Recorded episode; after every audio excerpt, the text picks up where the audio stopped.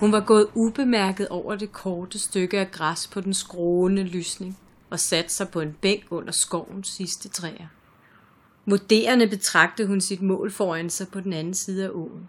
Det var en gammel kostskole. Gammel i menneskers forstand, men ikke i hendes. Bygningerne ville på et sekund være forsvundet, så frem hun fuldførte sin mission. En mission, som hun var pålagt af ham, som ejede hende og havde gjort det i mange århundreder. Hun var i sin tid skabt af en anden magt, som hun kun svagt huskede, men som nu var en fjende. Hun var skabt ud af den reneste ild, helt uden røg, og ilden lugede stadig stærkt lige under hendes nuværende forklædning. Samme ild, som hun brugte til at udslette med. Hun var Jen. Jen var ikke kun hendes navn. Hun delte det med mange. De var alle samme race. Hun var Jen, og hun hed Jen. Hun studerede de store mure, som beskyttede den inderste gårdhave, hvor hun kortvarigt ville lade ilden vise et flammehelvede, som det hun kom fra. Foran de beskyttende mure lå en enorm græsplæne, som var frodig og grøn og strakte sig til begge sider, helt ned til den svagt brusende å. Kun afbrudt af grusstien, som fulgte åen hele vejen ind i skoven.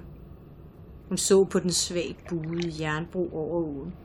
En and skrabede op i et slagsmål med en andring. Efterårssolen skinnede og fik de små strømninger i vandets overflade til at skinne som glimtende guld. Der var ingen mennesker på den anden side af åen, og hun skubbede de mørke solbriller op i panden. Hendes natsorte øjne var fixeret på de høje mure. Hun rejste sig, gik frem og blev stående i udkanten af træernes beskyttende løv. Hun lænede hovedet tilbage og prøvede at føle solens varme mod sit ansigt. Måske havde hun et ganske svagt minde om tiden, før hun mistede sin frie vilje. Hun tog fingrene op foran solen og lød lysstrålerne skinne imellem dem, så de ramte hendes øjne. Hun blinkede ikke. Hun tog hånden ned.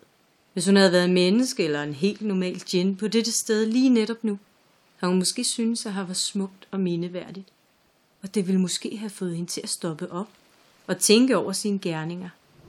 Men hun var udvandt og arbejdede for mørkets herre, som rådede over mørket og ilden. Hun havde kun tanker for, om hun nu havde taget højde for alting. Hun trak på sine fine, rosefarvede læber, så de vendte en anelse opad. Hun kunne smile. Dette havde hun lært sig, eller måske genlært sig i sit studie af mennesker, men hun huskede det ikke. Smilet bragte åbenbart tillid frem mellem. Hendes gerninger var ikke andet end terningkast. Tilfældigheder. Og hun var ligeglad, hvor hun blev sendt hen, og hvem det gik ud over. Hun gjorde bare sit job. Den blåede og ofte bevingede Jin, som hun snart ville stå overfor, græd derimod hver gang de havde disse sammenstød, og hun vandt.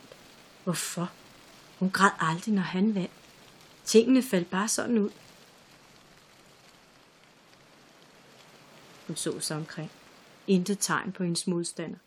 Hun vidste, at han ville dukke op, for at forhindre hendes forsøg på ulykke og kaos. Han var, som hun født i ilden.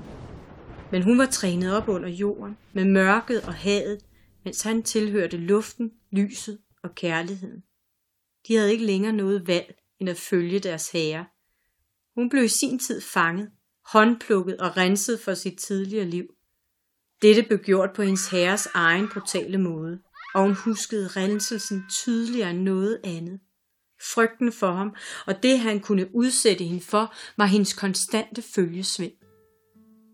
Hun havde dog stadig et glimt af et hus, duft af jordens fauna om sommeren, sol og af ham, hendes fjende. Men hun vidste ikke i hvilken forbindelse, og hun følte intet, så måske det blot var fra en menneskebog. Hun så mod solen. Den var 12 middag, og folk var begyndt at ankomme til dette årlige event. En bogmesse om magi og overnaturlige skæbninger. Mennesker var underlige.